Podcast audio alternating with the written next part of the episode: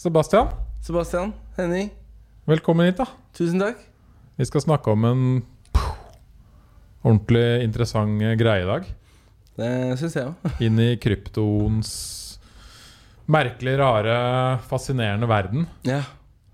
Det, det og kunsten og ja, kreativiteten. Ikke sant? Fin fusjon der. For sånn ca. en måned siden så hørte jeg en kompis at det var noe kult nytt kryptogreier. Og at det var noe norsk. Og at det hadde med NFT å gjøre. Og jeg bare Nei, norsk greie? Hva, hva er det her? Hva er NFT? Og så fant jeg jo selvfølgelig etter hvert ut at det var eh, deg og dere som hadde skapt noe utrolig fett innenfor NFT. Skal vi begynne reisen i dag med å prøve å forklare hva NFT er? Det kan vi godt. Eh, en NFT er en såkalt non-fungible token.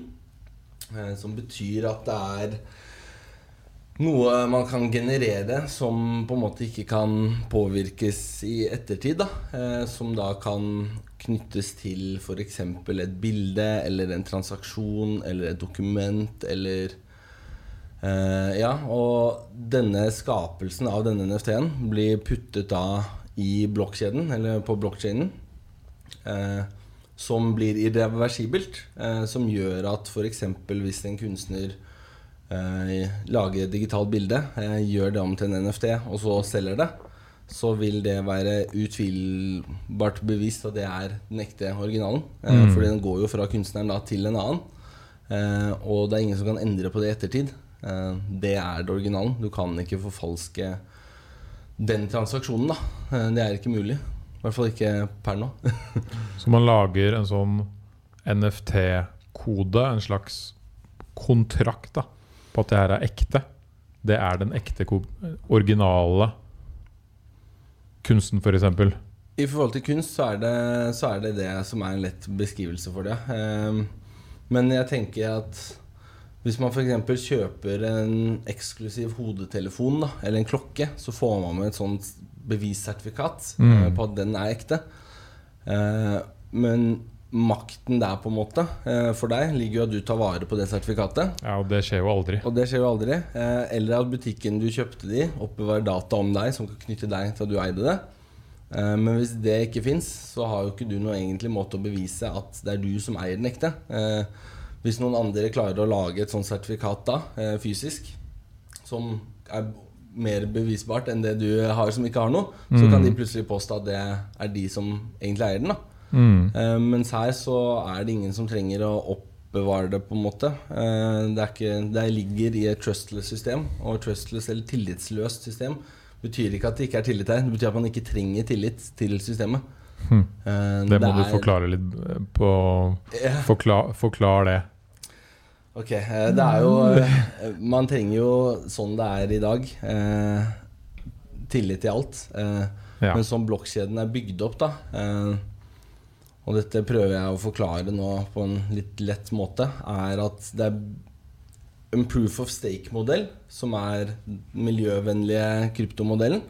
Altså en som ikke bruker mye maskinvær og mye strøm for å gjøre kalkulasjoner. Mm. Der har du validatorer eh, som låser penger eller likviditet til den teknologien eller den blokkjeden. Og dermed blir med på å bestemme om blokker er valide eller ikke, eller om transaksjoner er riktige eller ikke. Eh, og modellen er sånn at hvis når de godkjenner en blokk, så får de summen av alle transaksjonsgebyrer på den blokken eh, i belønning. Mm. Eh, og insentivet her er jo at straffen, hvis de gjør feil valideringer, er mye større enn den potensielle belønningen. Mm. Eh, og det er et insentiv som er sterkt nok til å virkelig sørge for at transaksjonen er eh, riktig, da. Men det høres ut som igjen koster mye strøm, da. Eh, Gjør nei, for det? det, kan, det trenger du ikke mye maskinvare til. Nei. Det, Så jeg kunne gjort det. Nesten.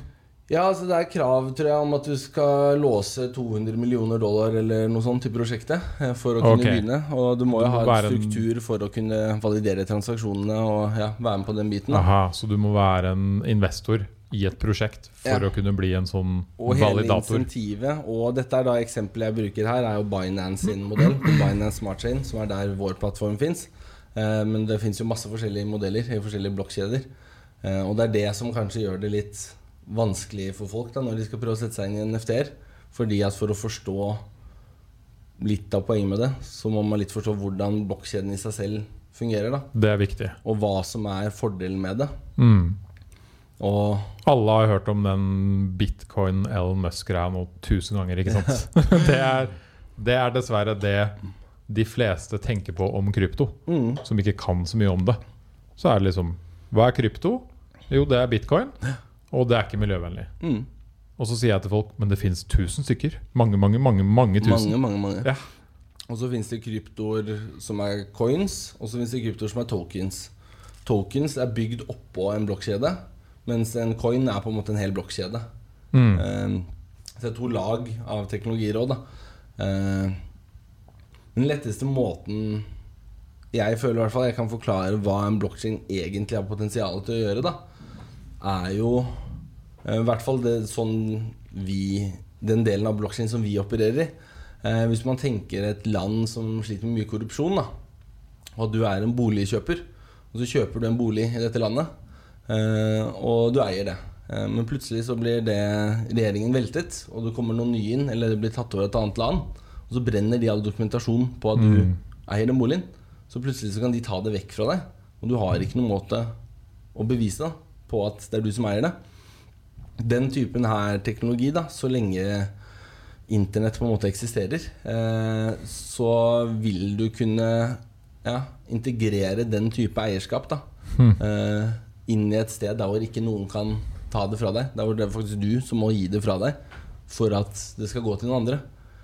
Eh, og jeg kan tenke på veldig mange verdenskonflikter som hadde blitt løst hvis vi hadde hatt blokkjede tidligere. da Ikke sant? F.eks. Israel-Palestina-konflikten. Mm. Eh, Der hvor det er uenigheter fra alle sider da, om hva som har skjedd når. Og, ja, Hvem som eier hva, og hvor og ja. og jeg har ikke noe standpunkt i den konflikten, da, men det er bare et eksempel på hva denne teknologien da, om 20 år kan faktisk lede til av forandring for menneskeheten. mm. Men frem til det så trenger folk å få bruke det. Og få skjønne Det det. er jo litt av greia. Ja. Folk må først skjønne det, og så må man jo faktisk få noen use caser eller noen ekte eksempler hvor folk har brukt det i livet sitt. Mm. At det ikke bare er godnerdgjengen liksom, som eier noe krypto, og noen andre som har investert litt. Nå er det mange, da. Men fortsatt på en måte litt en nerdeting Ja. å forstå. Ja. Det er ikke liksom app, I hvert fall de andre og enn bitcoin og Ethereum. Yes. Ikke sant? Eh, og det som jeg syns er litt morsomt, da, er sånn jeg føler med veldig mye teknologi, så er det veldig mange som forstår ting fordi de begynner å bruke det. Eh, og uten at de kan bruke det, så er det ikke noe interesse for å forstå det. Eh, ja, altså, bestemoren min eh, og telefonen sin er et perfekt eksempel på det. Mm. Hun har lært seg de tingene hun trenger å bruke, og de forstår hvordan hun funker. Mm. Men alt det andre har ikke hun hatt noe interesse for. Men det er nok, for da har hun en use case. Da Da har hun en verdi i teknologien. Og hun ser jo hvordan det har påvirket livet hennes positivt. Ikke sant? Men per nå så har, etter min opplevelse av blokkjein, de fleste use casene vært hvis du er inni det fra før. Ja. Uh, og det litt av det vi prøver å skape, og det NFT-er har bidratt til generelt, da, er at oi, her er det plutselig en use case for de som liker å samle på ting, eller de som liker å kjøpe kunst, eller de som liker å Ja. Mm. eh, Men jeg prøver å forstå det bildet av NFT. mm, Du har jo kryptocurrencyen, mm, som er en valuta. En form Ja. for valuta. ish. Ish. Ish. Ja. Ta den først. ja. Hvorfor er det ish? Fordi det er eh, alle Altså som Ethereum, da, eh, er jo egentlig ikke tiltenkt å være en typisk valuta som du handler med i det virkelige liv. Eh, Men det er en teknologi som lar deg bygge desentraliserte apper. da eh, Som folk kan interaktere med. Og Mm. der brukes Ethereum som enten betalingsmiddel eller, Betalingsform Ja.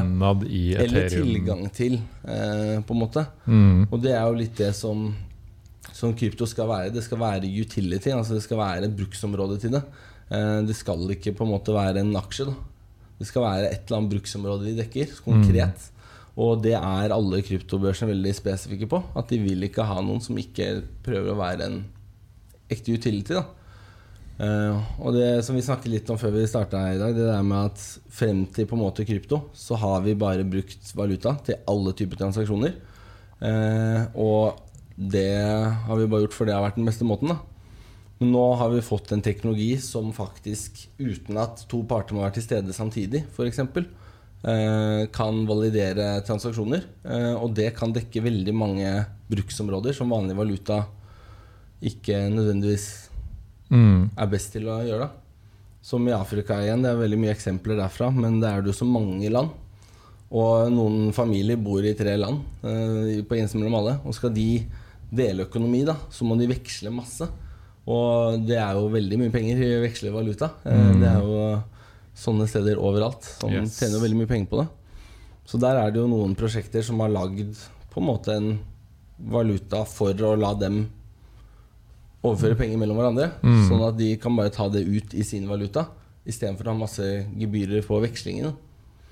Eh, Men da må du fortsatt ta dine penger og veksle det inn i den kryptovalutaen. ja. Og så sende de, og så ta de ut igjen. Eller i visse land der de begynner å betale for tjenester i Ja, for da er det et nytt nivå, ikke sant? Hvis Ja. du faktisk kan betale noe med den kryptovalutaen. Da. Og da er det jo det som er For man trenger jo ikke på en måte å ta over for penger med en gang. Det er ikke det som er målet til noen, tror jeg. Eh, målet er å lage Noen. en bedre Ja, noen. Selvfølgelig. Eh, og, men målet er jo å bedre brukeropplevelsen, sånn jeg ser det. Altså, er jo, alt er jo kodet av kodere. Mm. Og de fleste kodere Jeg har studert e-business, jeg har vært innom koding. Og alt handler jo om brukeropplevelsen. Altså Alt handler om ja, use-casen man holder på med. da Problemet man prøver å løse. Og lage den beste brukeropplevelsen. Og jeg, jeg har prøvd å finne et helt konkret bevis på det, men jeg føler ikke det er derfor eh, valuta ble oppfunnet Og det har ikke blitt videreutviklet på samme måte.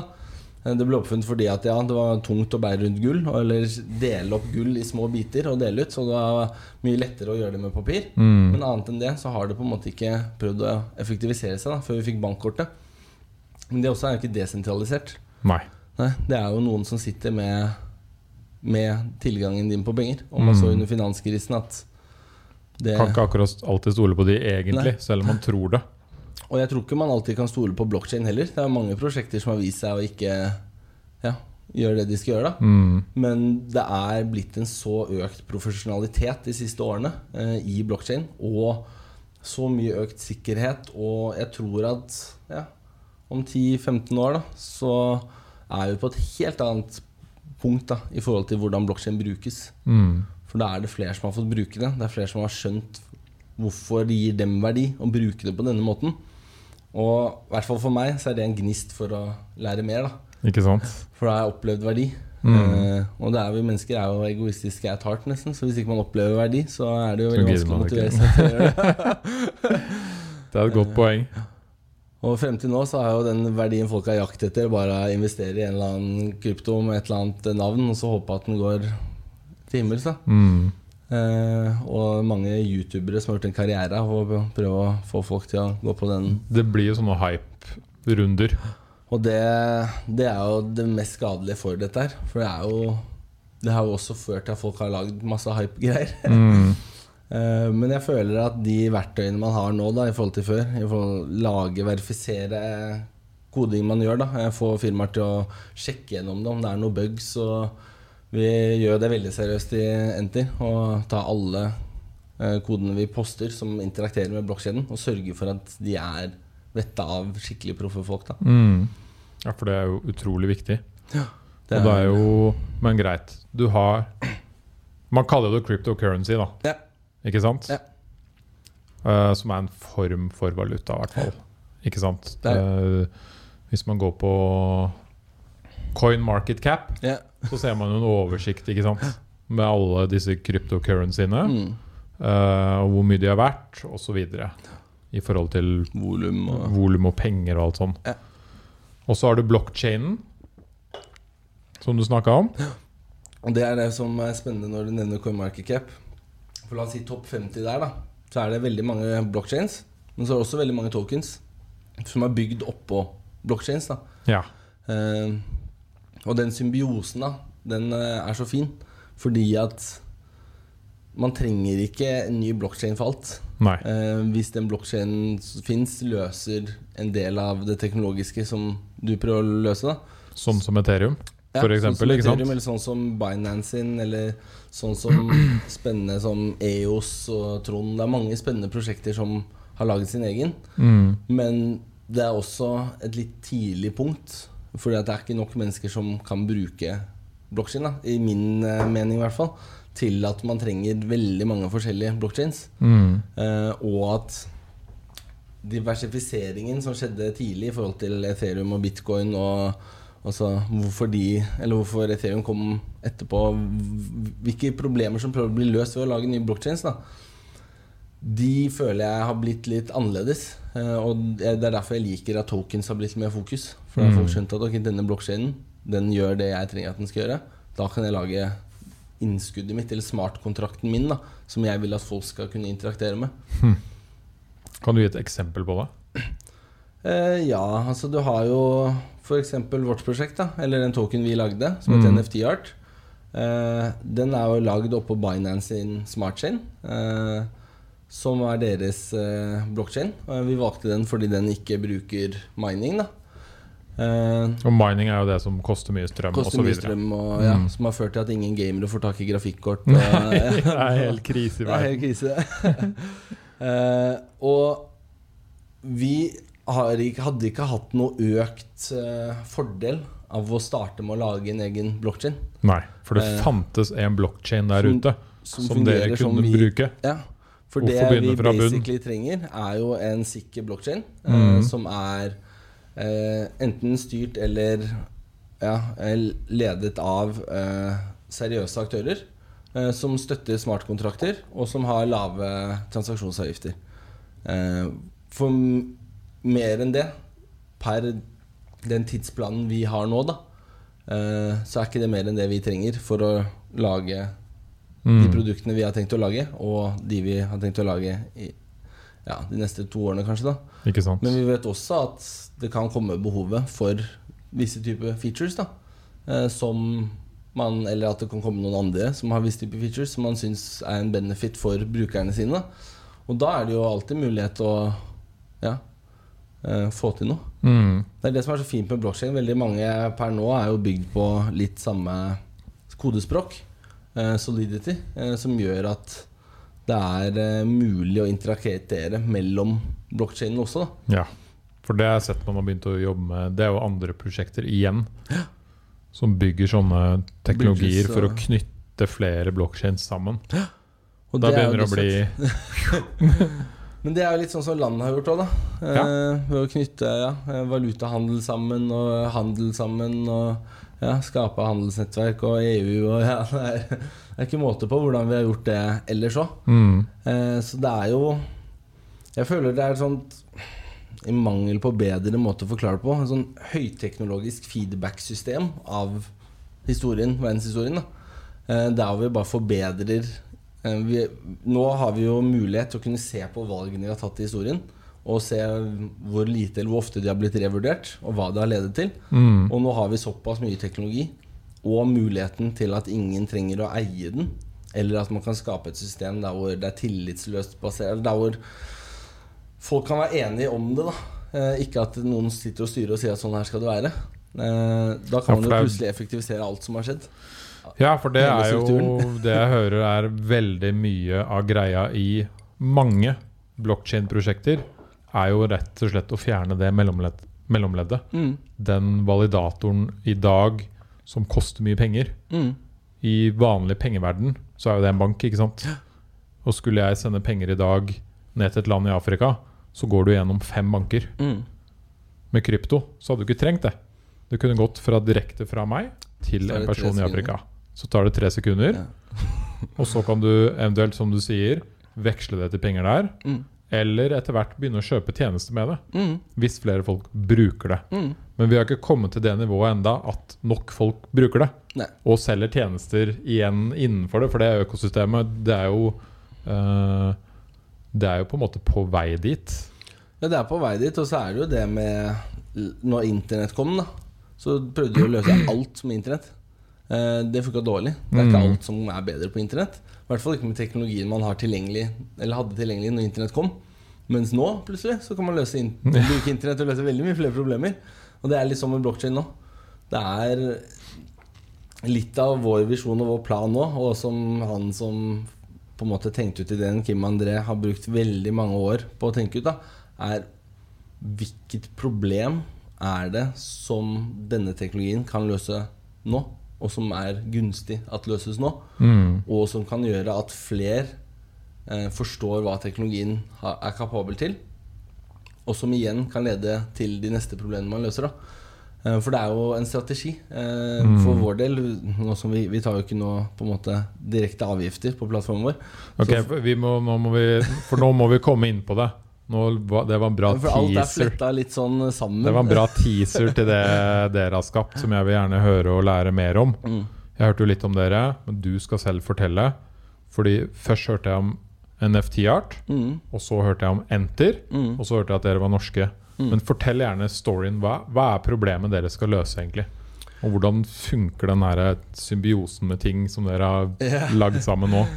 Problemet vi skal prøve å løse, er jo å gi Flytte litt eierskapet til kreativiteten hos eh, kunstnere, artister eller vanlige mennesker. Tilbake til dem. Eh, og at det skal finnes en plattform der hvor de kan dele og selge eh, sine skapninger uten at det er noen som kommer og blander seg inn i det. Annet enn å sjekke at du er ekte, og sjekke at det er du som har skapt det. på en måte Mm. eh, Og ikke prøver å ta noe av transaksjonen. da Fordi eh, vi er en gjeng, vi er fire stykker på en måte som har grunnlagt eller skapt dette her sammen. da Men det er en som har på en måte tenkt ut ideen i fem år mer enn hos andre. Eller eh, ja, Han har vært i blokkjede i tolv år ca.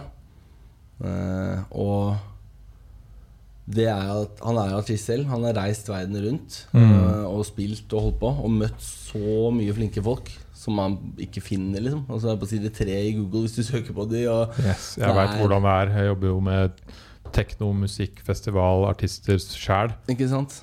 Og jeg hadde jo en teknoartist her for bare et par uker siden. Mm. Og han sa jo det selv, at eh, musikere i dag de, Det er så mange mellomledd for å selge musikken. Mm. Så de tenker jo ikke på engang lenger å tjene penger på musikken de lager. Og bare spille gigs. Mm. Og det er jævlig kjipt. Det er jævlig kjipt. Ja. Og når de lager et album, i hvert fall det, det jeg har fått inntrykk av, og det jeg blitt fortalt gjennom samtaler, da, så selv om de føler seg fri i på en måte et plateselskap, så er de blitt leda litt til at det handler om tallene. da Altså hvor mange man selger, eller hvor mange man når ut til og sånn. Mm. Mens det vi opplever litt fra feedbacken Nå har vi hatt en beta-versjon ute litt, og artistene føler at de virkelig får lagd noe som bare de har lyst til å lage. da Og så får de delt det. Og så er det en eller annen som har lyst på det. liksom mm. eh, Og hvis ikke det er noen som har lyst på det, så er det greit, det òg. Men da var, da var det ikke lagd for dem. Da, det- da blir det litt mer lagd for dem. da Mm. Og jeg mistenker at spesielt når vi kommer videre Nå har vi beta-versjonen på Enter Art, som er Vi har lyd, video, bilde og grafikk og den biten der. Men vi skal segmentere ut lyd inn i Enter Audio senere. Mm. Og jeg tror og vet, bare snakker med musikere jeg kjenner, på at de gleder seg til å ha en plattform der de bare kan lage noe. Altså De trenger ikke å ha nødvendigvis den formen de har følt. da. Eh, spesielt noen band jeg har snakket med, føler jo at eh, fordi alle vil jo på en måte drive med det, eh, så blir man litt leda til hvordan skal vi kunne fortsette å drive med det her. da Eh, Men å fjerne litt den barrieren og bare kunne være ok, men vet du, nå lager vi noe fett, og så ser vi hva som skjer, da. Mm. Og vi har jo lyst til å automatisere dette litt videre, sånn at nye artister får litt flere verktøy til å promotere seg selv. For det er ofte det som er det vanskeligste for de som er helt nye. Hvis ikke de blir oppdaget, så er det veldig mye jobb, og det er ikke sikkert man når ut til noen. Hvis man Ikke ikke, nødvendigvis er god på copywriting, eller hvis man ikke vet hvor man skal selge ting. Eller hvis man, ja.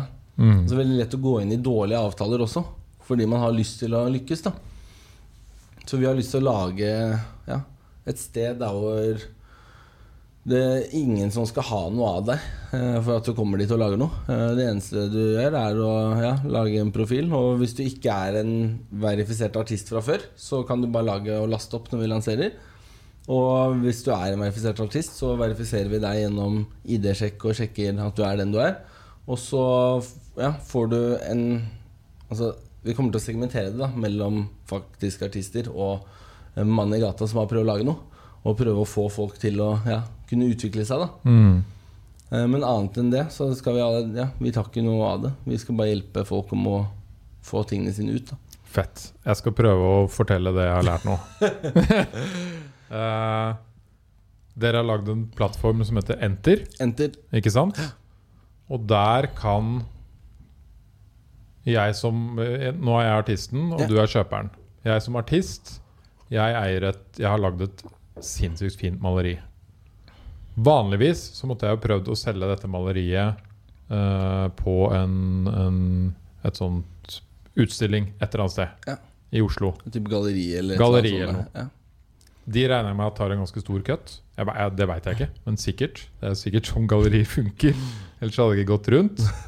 Eh, dere har lagd både en plattform hvor jeg som artist kan legge ut dette maleriet. Og det, det blir da bundet opp mot det dere kaller en NFT. NFT. Ikke så sant? prosessen der er at du, du har en konto på siden vår, og så laster du f.eks. opp La oss si det er et bilde. da La oss si du har lagd et digitalt bilde, bare for å holde det digitalt for enkelheten. La oss gjøre det digitalt først, og så skal jeg Så spørre deg om det det fysiske. Ja. Eh, så laster du det opp, og så fyller du inn detaljene rundt bildet. Og så, når du går videre til neste steg da, så mynter du bildet, er det ordbetegnelsen, da. Ok, Eh, som betyr at du knytter informasjonen som du har skrevet, eh, din konto eller din wallet, eller ja, deg i blokkjeden, og dette bildet sammen i én ting. Mm. Og så lastes det opp til det vi bruker nå, noe som heter IPFS. Som står for Interplanetary File System. Boom. ja. Og det er desentralisert lagring, da. Så det er på en måte en eh, Dropbox som ikke firmaet Dropbox eh, ja, eier. Hvordan i helsike funker det egentlig? Uh, nei, det er offentlig tilgjengelig, lagring. da. Ja. Ja, så alt er offentlig tilgjengelig, men du kan på en måte ikke Ja. Uh, jeg kan ikke gå inn og røre med det som endrer noe. Men fordi på det du har lagt der, er delt i masse biter, eller? Ja, det, eller? Ikke nødvendigvis. Du, du kan gå og hente bilder derfra, men det er Ja. litt som å gå på butikken og ta noe og ikke betale for det. Ja. Eh, Så det er jo det på en måte dette løser litt digitalt. da Mm. Eh, Fordi før NFT-er så må du plutselig kontakte banken din for å bevise at du har gjort en transaksjon på en side. Og ja, det er mye Mange andre steder som har kontroll over hvordan du kan bevise hva du har eid, Mm. hva du har kjøpt. Eh, Men greit, tilbake til den myntinga. De myntinga, ja. Ja. Så dette blir lasta opp i blokkjeden. Du, jeg laster opp kunsten min. Ja. Det, den mintes, dvs. Si at jeg, kunsten min og informasjonen om kunsten Mm. smelter sammen og blir til en NFT. ja. Yes. Og den inneholder da metadata og informasjon som viser hvem som har skapt den, når den ble skapt, øh, og den biten. Og den NFT-en legges på en blokkjede. Ja, det er det Er den det lastes riktig? opp til når den mintes. da Så lastes den opp til i PFS. Ikke sant? Så da ah, Ok. Eh, og Og- det er, det er en egen blokkjede. Mm. Uh, så den er ikke Binance Smart Chain. Uh, det er en egen blokkjede som bare gjør dette. Altså desentralisert lagring. da Hm. Eh, Og da ligger den på en blokkjede, og da kan den ikke endres. Og du kan alltid bevise at det er din, og du eier den. Ja, du som har den, og da kan du også selge den. Yes. Og det er det bare du som har makt til å gjøre. da Altså overføre dette eierskapet i metadataen til Mm. noen andre. Du kan jo tenke på det som ja, skrik da på, et museum. Um, bare at det er vaktet av folk, og at ikke det Altså Hvis ikke du kommer og sier at han her skal få det, så går det ikke an å stjele. Nei. Uh, for museer har jo masse ting som er stjålet før. Uh, originaler og byttet ut. Og, Men hvis maleren back in the days Altså maleren av et kjent maleri hadde gått inn og sagt bare du, jeg tar med deg bildet mitt Men da eier han det for Han eier Det mest sannsynlig ikke. Nei, det er Fordi museet eier det. Museet eier det. Ja.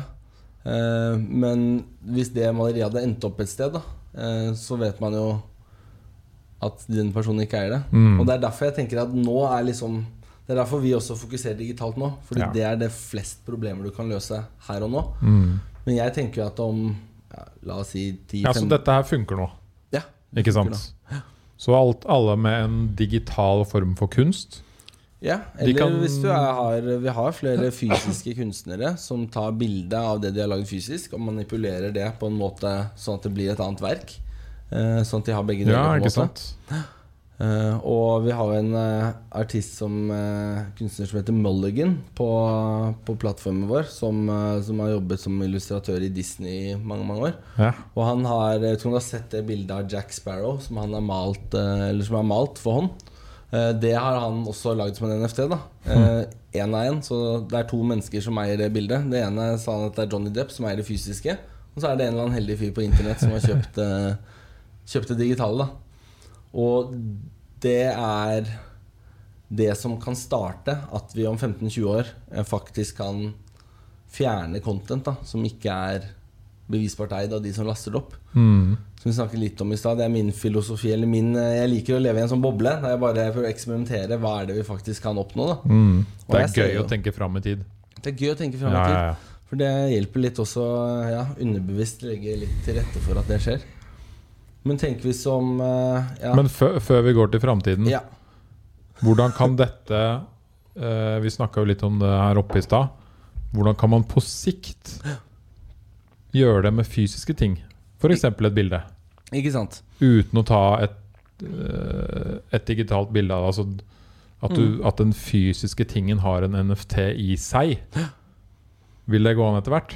Det vil på en måte gå an etter hvert. Eh, vi har noen løsninger på det som vi ikke har hørt noen andre snakke om. Eh, så det er akkurat hvordan vi har tenkt å løse det, tror jeg venter bitte litt med. Mm. Men det at kunstnere som er bevisst over det her, og vil at det skal være veldig tydelig eh, knyttet til eierskap og, eller originaliteten av et bilde, da, kan eh, lage en NFT på en måte som et dokument som beviser den originale transaksjonen, fra hvem det er til hvem det er, Mm.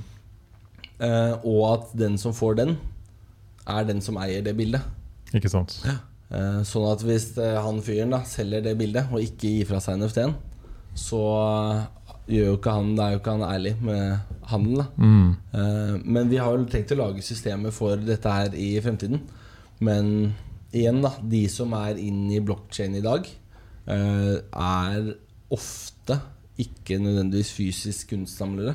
Eh, ofte, som vi snakket om i stad, altså teknologisk interesserte mennesker og ja, eh, men det er jo der vi vil komme, da. Eh, så for å kunne lage en plattform som gjør at vi kommer oss dit, så må vi jo være litt strategiske og velge ut hvilke markeder vi fokuserer i, i først Mm. og hvilke funksjonaliteter vi, vi starter med eh, for å få flere til å kunne bruke verktøyene vi lager. Da. Og da er det jo digitalt eh, kunst som er det første intuitive, fordi det er det veldig mye av. Men det vi egentlig er mest gira på i forhold til det veien videre å lage, er jo denne lydplattformen, Enter Audio. Yes. Eh, fordi der er det mange som ja, er veldig låst da i forhold til distribusjon av Eller hva de får hjelp til å distribuere. Eh, og vi har snakket veldig mange plateselskap som de kan la artistene sine lage ting som ikke Ja, altså de kan jo lage hva de vil. Mm. Eh, veldig mange plateselskap, i hvert fall. Så hvis man har plateselskap som limiterer deg veldig, så kanskje man burde tenke på det. Men eh, det er Og det er veldig kult. Vi har blitt kontaktet av så mange lydartister som bare gleder seg, som bare har så mye unreleased ting. da Som ikke de har følt at det har vært riktig, eller som de ikke føler har passet til det imaget som de har der, eller profilen, Ja, eller et eller annet. sånn, da Og det er så mye sånn som vi nå kan få ut. da eh, Både i lange, korte Altså Det er mange beatmakers, forresten, eh, for Mm. eksempel, eh, som lager mye kule ting, men fordi ikke de får noen til å bruke det, så blir det bare liggende der i en mappe. da eh, Og jeg tror at Så de kan etter hvert laste opp sin musikk. Ja.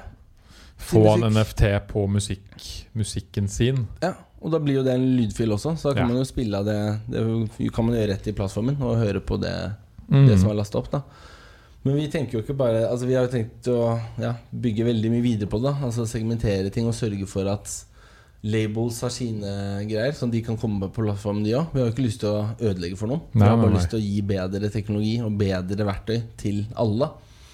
Og vi tror at det vil hjelpe veldig mange å få mer direkte kontakt med fansene sine. Mm. Og det at vi i tillegg lager et sosialt miljø med at vi har en Discord-gruppe der folk kan snakke direkte med artistene. Vi prøver å få alle artistene på plattformen inn i den gruppa òg.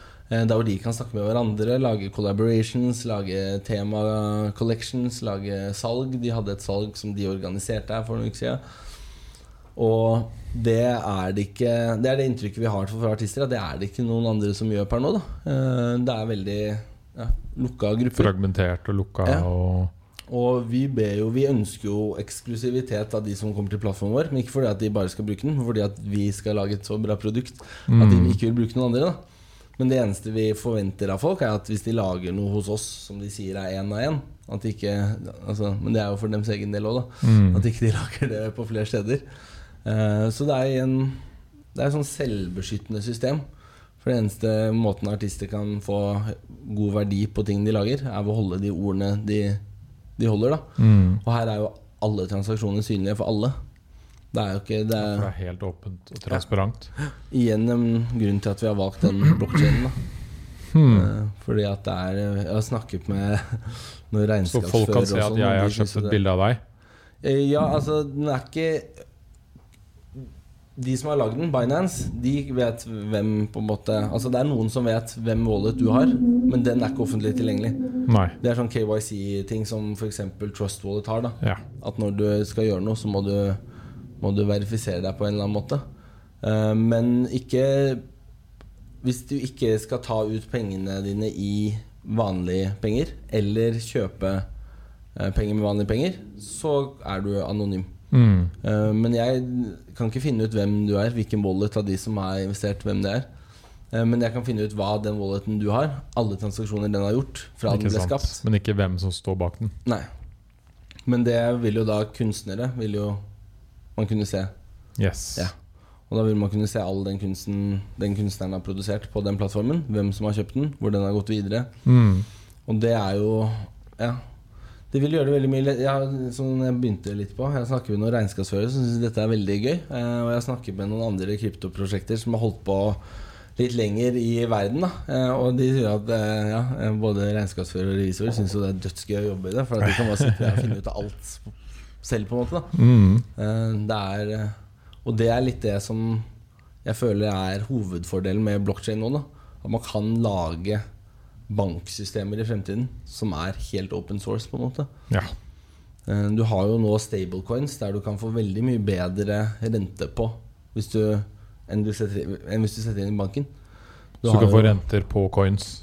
ja, eller stablecoins. Det er da en kryptovaluta som egentlig er en dollar. Altså Den er bygd opp sånn at den er backet opp én til én av dollar. Mm. Så hvis du kjøper, la oss si 1000 DAI, da, så har du egentlig kjøpt 1000 dollar. Eh, og fordi at Dette er da desentralisert finans, Defi. Eh, det er noen hakk nivåer eh, videre igjen. Men de opererer litt sånn som banker gjør. Bare at de har jo ikke personale. Så de har jo ikke veldig mye kostnader. Da. Eh, og da kan de gi veldig mye bedre rente på de Mm. samme produktene som banker leverer. Eh, og så har du jo andre kryptovalutaer som er rettet mot banker, for å gjøre det lettere for banker faktisk å kunne være med i dette her. Da. Eh, Så jeg føler bare Det er fremtiden det her. Altså. Det er så spennende å kunne være med i, eh, i på en måte Ja, det er ikke så tidlig, det har holdt på i mange, mange år. Men Mm. Jeg vet ikke hvor lang tid det tok å gå over fra byttehandel til valuta eller penger papir. Men jeg tror det tok Det er mange stammer i verden fortsatt i dag som ikke Ikke har valuta. Så jeg syns det er veldig Det er en veldig spennende tid Veldig vi spennende lever i. Helt sinnssykt, egentlig. Uh, hva var det jeg leste her om dagen? Vet du hvor mye den dyreste NFT-kunsten har blitt solgt for? Eller? Jeg tror det er 69 millioner dollar. 69 millioner dollar. Jeg tror det er en Beeple-greie. Så det er jo et veldig stort marked da, for digital kunst. Det er Og jeg har jo hørt om digitale katter òg. Ja. Det er også en greie. ja, det er en greie. Og jeg tror det blir mer en greie også. Eh, fordi man kan jo Alt dette er digitale filer, og de fleste plattformer vi bruker, der vi har profilbilder og avatarer og sånn, er jo digitale plattformer. Mm. Så det er jo veldig mye muligheter for å integrere at det er mange som de der eh, Ja, det er noen bilder der du har en 8-bits-figur, f.eks. Mange som kjøper det, bruker det som profilbilde. Ja. Eh, for det er egentlig bare de da som har lov til å bruke det som profilbilde. Eh, og det kan man hardintegrere etter hvert da i forskjellige typer plattformer der det er gunstig. Mm. Og vi er jo Ja, vi jobber jo med så mye som ikke jeg eh, vil snakke om, for at ikke noen skal få noe konkurransefortrinn der. Men uh, vi er jo på vei inn i Ja, eh, vi har en strategisk plan for de fleste sektorer uh, som er basert på noe digitalt, da der vi kan faktisk integrere noe mer enn bare en skapelse. Mm. Um, og vi har Ja.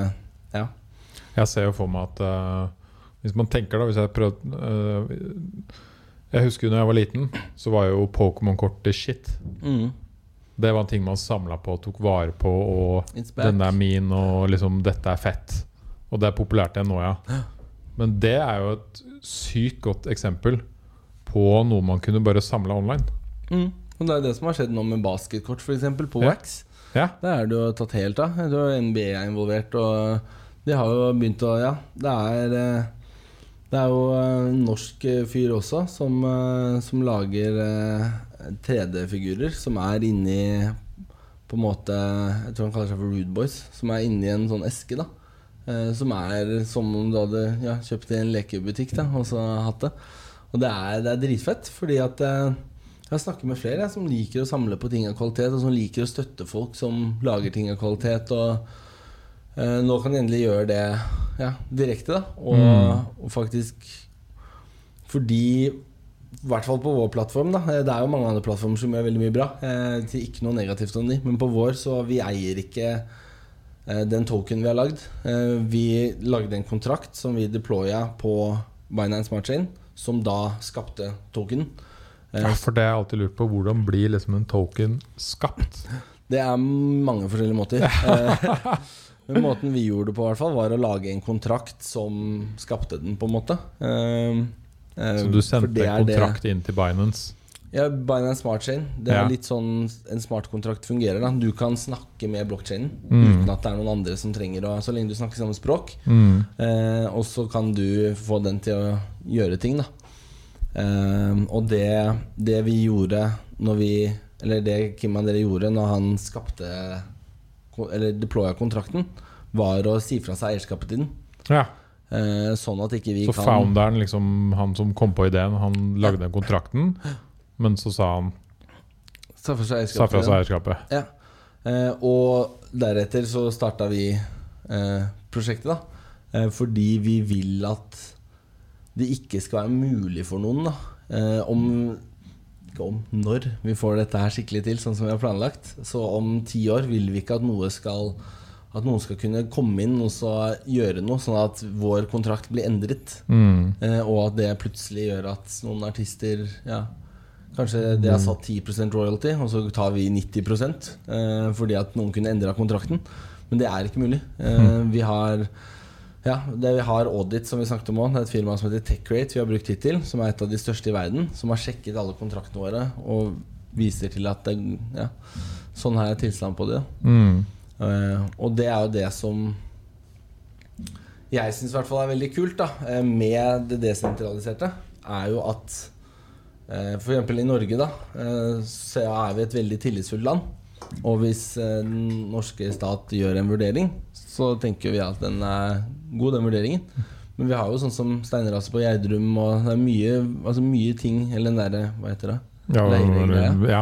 Det er mange ting da Der hvor den som på en måte ja, kan tjene på å gjøre beslutningen, og den som skal analysere beslutningen, er samme system. da eh, Og det er jo hensiktsmessig hvis man har et tillitsfullt land, eh, men selv der så skjer det jo glipper. Mm. Men så det er forskjellige ting, da. Instanser. Og jeg hørte på en veldig lang podkast her om dagen faktisk om han Vitalik som har lagd Ethereum. Ethereum. For han hadde en om På Lex Friedman, vel? Ja, Ja, ja. Eh, for det jeg syns er så interessant når han kommer inn på sikkerhet, da, er at det er, har ikke vært sånn type sikkerhet før. Fordi all sikkerhet på en måte vi har hatt frem til nå, har vært styrt av en eller annen som har vært kontrolløren av den sikkerheten. Da. Mm. Mens nå begynner det å komme desentraliserte sikkerhetsmetoder som man ikke trenger å stole på, for beviset er der, på en måte. Eh, og det er nå. Eh, når det her starter, så inspirerer jo det neste generasjon som kommer til å ja. Mm. Så jeg ser for meg at det ja, kommer til å bli en veldig stor positiv endring for verden. Da. Det der at eierskap blir flytta vekk fra at noen kontrollerer om du har eierskapet, til at det er beviselig. Det er superspennende. Og en ting til du nevnte før vi starta her i stad, var jo det med at en kunstner som selger noe på plattformen deres, de kan fortsette å tjene penger videre etter når den blir solgt videre. Kan, Ja, royalties. Ja. royalties. Yeah. Ja. Eh, I dag, hvis jeg selger min, mitt bilde, Mm. så er det solgt. Ja. Ferdig. mm. Tjener ikke noe mer på det når den personen selger det videre, eller noe mer skjer. Men hos dere så vil det funke annerledes. Det vil jeg. Um, og det er igjen litt av det eh, problemet som er et av mange problemer vi prøver å løse. At gjennom historien så har da nåtidens kunst Altså, jeg bruker eksempel om Rembrandt eh, ofte, for det er et kjent navn for mange.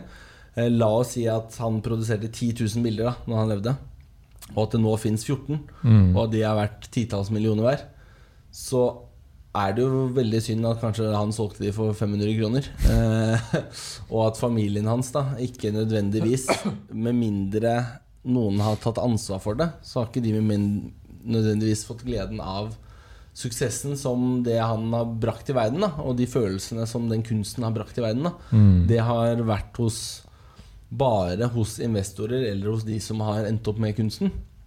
Og man vet jo også gjennom historien at veldig mye kunst har endt opp i veldig mange hender, eh, og det ikke finnes noe bevis for at de endte opp der legit. da eh, Og det er jo veldig synd, eh, Mm. i tillegg til det. Eh, for da ja, Det påvirker jo alt. Jeg husker ikke helt nøyaktig tallene, men jeg mener at kunstmarkedet i verden er litt over 340 milliarder dollar, eller noe. Og at det er rundt 40% som er forfalskninger. Uff, 40. Eh, Så hvis du tenker på det, da, både at kunstnere ikke har hatt mulighet til å tjene videre på verkene sine, og at nesten all omsetningen av, eller nesten halvparten av omsetningen av kunst er forfalskninger, Mm. så løser man to veldig store problemer ved å bake inn et uendrbart digitalt spor av en royalty. Eh, og så når du, hvis du selger et kunstverk til meg da, på plattformen vår i dag for 1000 kroner, og jeg holder det i 20 år, og plutselig så er det et eller annet du gjør da som gjør at dine tidligere verker er skikkelig, skikkelig mye verdt. Ja, for det skjer jo med noen kunstnere. Masse. Naturligvis. Du starter jo et sted, og 15 år senere kan det være at folk begynner å digge det du holder på med. ikke sant? Ikke sant? Og da, hvis jeg selger det videre til 10 millioner, da, og du har satt en 20% royalty, eh, så vil jo du få 2 millioner kroner. Ja. Eh, Så kunstneren kan selv sette royaltyen, eller hvordan funker det? Basert på visse prinsipper. Ja. Eh, det er litt, eh, litt ting vi jobber med nå i betaen. Å finne ut ved å snakke med artistene og ved å snakke med, med samlerne og investorene og ja, communityet vårt. da Mm. Og finne ut hvilke modeller er det vi tror at eh, vil gjøre det til For alt skal jo være positive brukeropplevelser. Eh, så vi tenker at det er en viss prosent royalty du kan sette uansett. Men at jo høyere royalty du vil sette, eh, så er det visse ting eh, som er forutsetninger. da Mm. F.eks. at du låser salget i 30 dager, eller at du ja, eh, kun eh, lager én av det, eller ja, altså visse ting, da. Eh, og vi er ikke Altså Vi er et veldig iterativt eh, firma, så vi, vi er ikke låst i noe. Vi jobber steg for steg. Og Det er jobber. Eh, og det er jo det som også virker litt nytt for mye kryptoprosjekter. da Fordi det har vært veldig mye hype-prosjekter i det siste. Uh, og jeg skjønner jo hvorfor de har eksistert, for at da kan man jo ja, tjene ganske mye penger. Mm. Uh, men det å virkelig være det motsatte uh, virkelig, Vi tar oss jo tid, akkurat den tiden vi sier at vi skal ta. Hvis vi sier at vi skal lansere noe i juni, så venter vi til vi er 100% fornøyd med hva vi kan gjøre Mm. i juni. Eh, Hvordan er det dere lever av det? vel, vi har jo spart opp litt penger før, da. Eh, og så har vi jo eh, Eller hvordan skal dere leve av det i framtiden? Eller liksom, Ja. Hvordan funker et sånt team bak en, en sånn blockchain-prosjekt? Det er jo litt som gründerprosjekter. Ja. Eh, der hvor det er veldig mye utgifter i starten, og så potensielt eh, eh, gevinst i fremtiden. Mm. Så er jo kryptoprosjektet litt annerledes. Og det vi har jo lagd, er jo å lage denne tokenen som vil sørge for at hvis vi får til det vi drømmer om, da, så vil det faktisk kunne bli en inntekt ut av det pga. Eh, denne token og økonomien rundt den.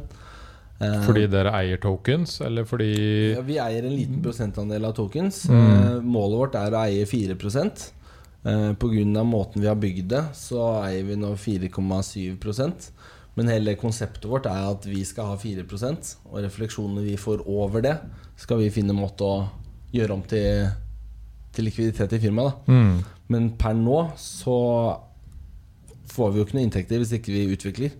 Så alt det, det vi har spart opp, og det, eh, det vi bruker fra utviklerkontoen, har vi ikke gjort om noe til noe vanlige penger. Eh, vi har gjort veldig flotte utvikleravtaler og veldig mange som tror på prosjektet, da. Mm. Eh, som heller eh, eh, lar oss finne modeller som eh, lar oss prøve å skape en revolusjon. Mm.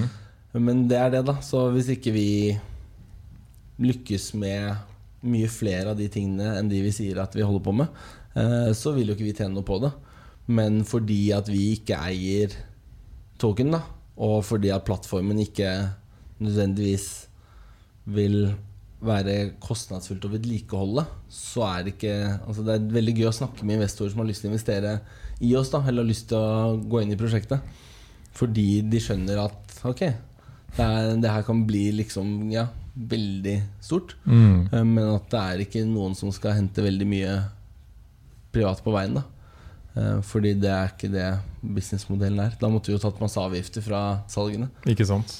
Og For det gjør dere ikke. Nei, eh, vi tar ingen avgifter til oss i salget.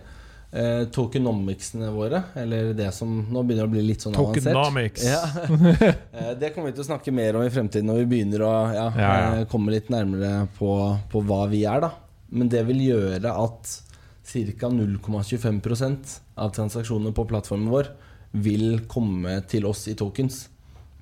Eh, Men hvis vi skal gjøre noe med det, så vil jo det 10% av det bli borte også.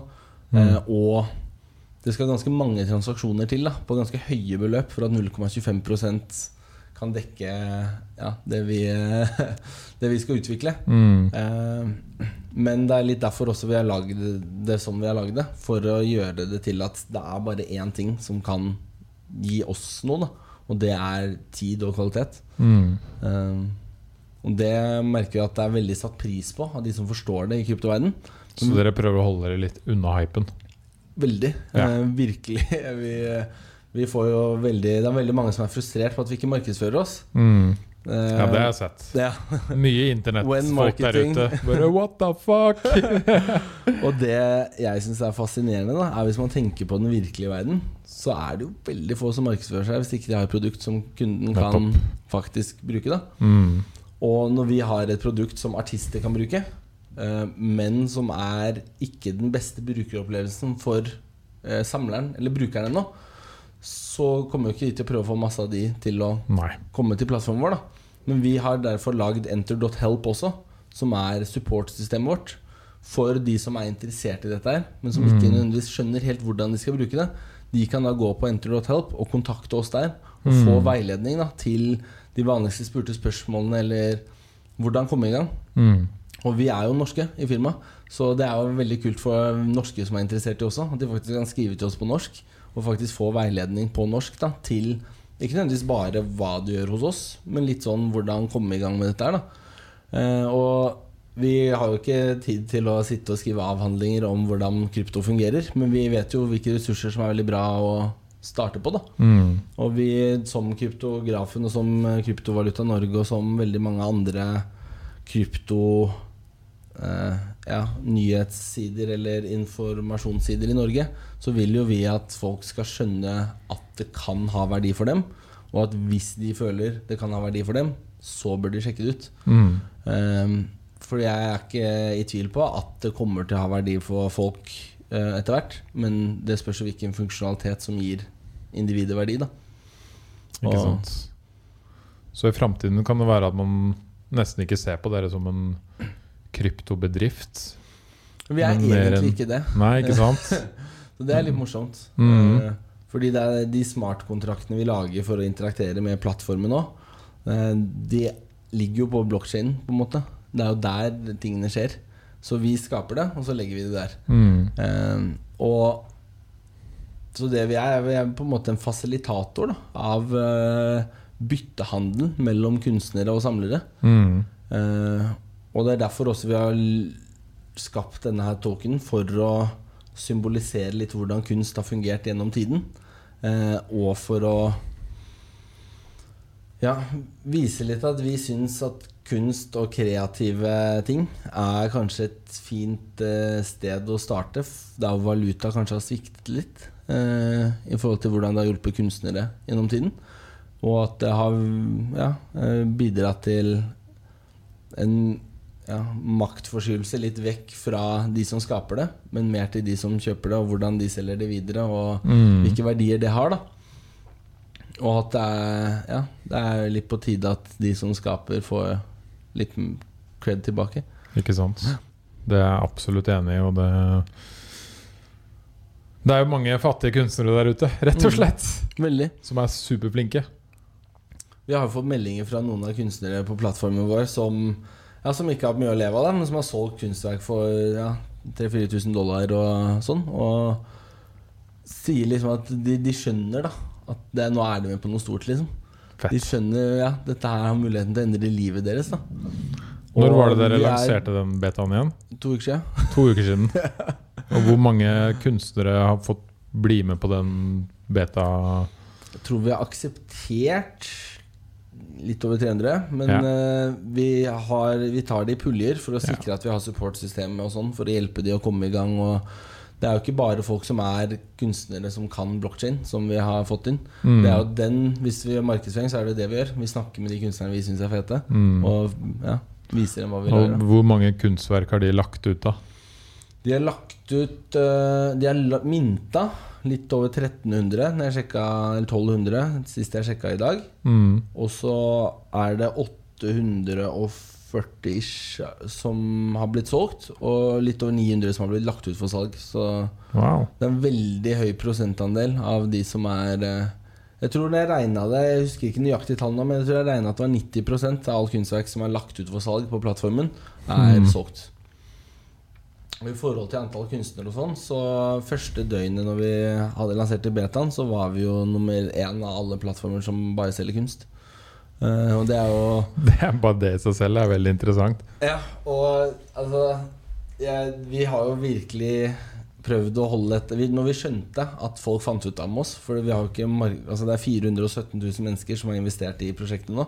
Ja, i coinen. Uh, I coinen. Ikke til oss, men i ja, plattformen vi skal lage. da Og Mm. potensialet i den. 417 000 folk Ja, Fra hele verden. fra på sånn to måneder eller noe, ikke sant? Ja. Ja. Det er uh, uten, uten at vi har gjort så mye markedsføring. Uh, eller Ja, jeg har jo sett deg tatt helt fullstendig ja, på Twitter og Reddit. Og det er jo sånn jeg har hørt om dere og fant dere òg. Gjennom en kompis, og så eh, sjekka jeg det ut, og så bare wow! Det er helt magisk. Eh, men sånn vi er òg. alle vi fire vi har kjent hverandre i ja, åtte-ni år.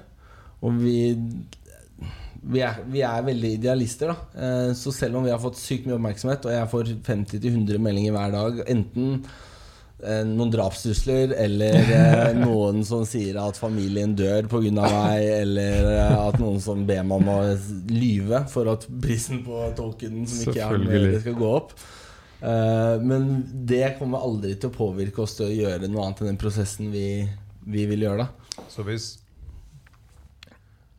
øh, Hvis bitcoin, altså kryptohypen, nå går ned i en nedgang igjen Det har jo vært eh, Påvirker to det ganske deres dips, prosjekt, ikke sant? eh, De siste, eller ganske mange altså, i, bit, I krypto så er det alltid korreksjoner. Yes. For det er et over-leveraged market. da Altså Det er for mange som har investert mer enn det de egentlig har råd til. Og det er veldig fascinerende å gå på CoinGecko eller noe og se alle la oss si topp 20 kryptoene da, når noe skjer. Fordi det er kanskje fire som ser litt annerledes ut. Ellers så har alle nesten nøyaktig samme, Mm. samme graf. da Eh, Men det vil jo påvirke eh, de som tenker kortsiktig, som har investert i token og tror at det skal skje noe med den veldig fort, eh, for, og som trenger å ta ut penger, eh, fordi at da vil de realisere et tap. Det vil påvirke artister som trenger å realisere det de selger ting for. Fordi vi selger jo ting Eller de selger jo ting i NFT art tokens, eh, ikke i dollar. Så de får jo tokens for det. Eh, Men i forhold til prosjektet, vår utvikling og hva vi kommer til å få til, så påvirker det ingenting. Nei. Fordi det, det er jo de avtalene vi har gjort med, med de vi jobber med, og den trua de som skjønner De som har fått høre litt mer enn det jeg forteller offentlig, da. Mm. Den trua de har, eh, det er jo Ja. Det skal ganske mye til da for at eh, noe dør helt eh, av Mm. det vi har skapt. Og veldig mange har jo kommet inn i krypto nå nylig fordi de har fått med seg at Dog- Dogcoin har steget, og bitcoin Det er sånne ting som det- Fucker opp hele tankemåten folk har til krypto. Men det har jo snakket et sånn lite eksperiment i de jeg snakker med som, som nevner det her, da, er å prøve å gå inn på nesten hvilken som helst aksje eller kryptovaluta i verden. Og bare gå og spole tilbake et eller annet punkt i historien på en eller annen når som helst dato. Og så kan man bare se ganske like svingninger. da Mm. Eh, Der hvor i aksjemarkedet så er det ikke like store bølger. eh, Mens i krypto så er det nesten hvert eneste prosjekt har de samme greiene. da. Ikke sant? Og det er jo mye av mentaliteten til veldig mange eh, investorer etter dette dogcoin-greiene, er jo det der at de skal ha 10-100 ganger eh, Yes. return på tre dager, eller helst i går. Eh, og, og det Ja, det gjør det jo veldig mye treigere for kryptoprosjekter som ikke er sånn, da Mm. til å faktisk komme i gang. Men det skader jo ingen andre enn dem selv.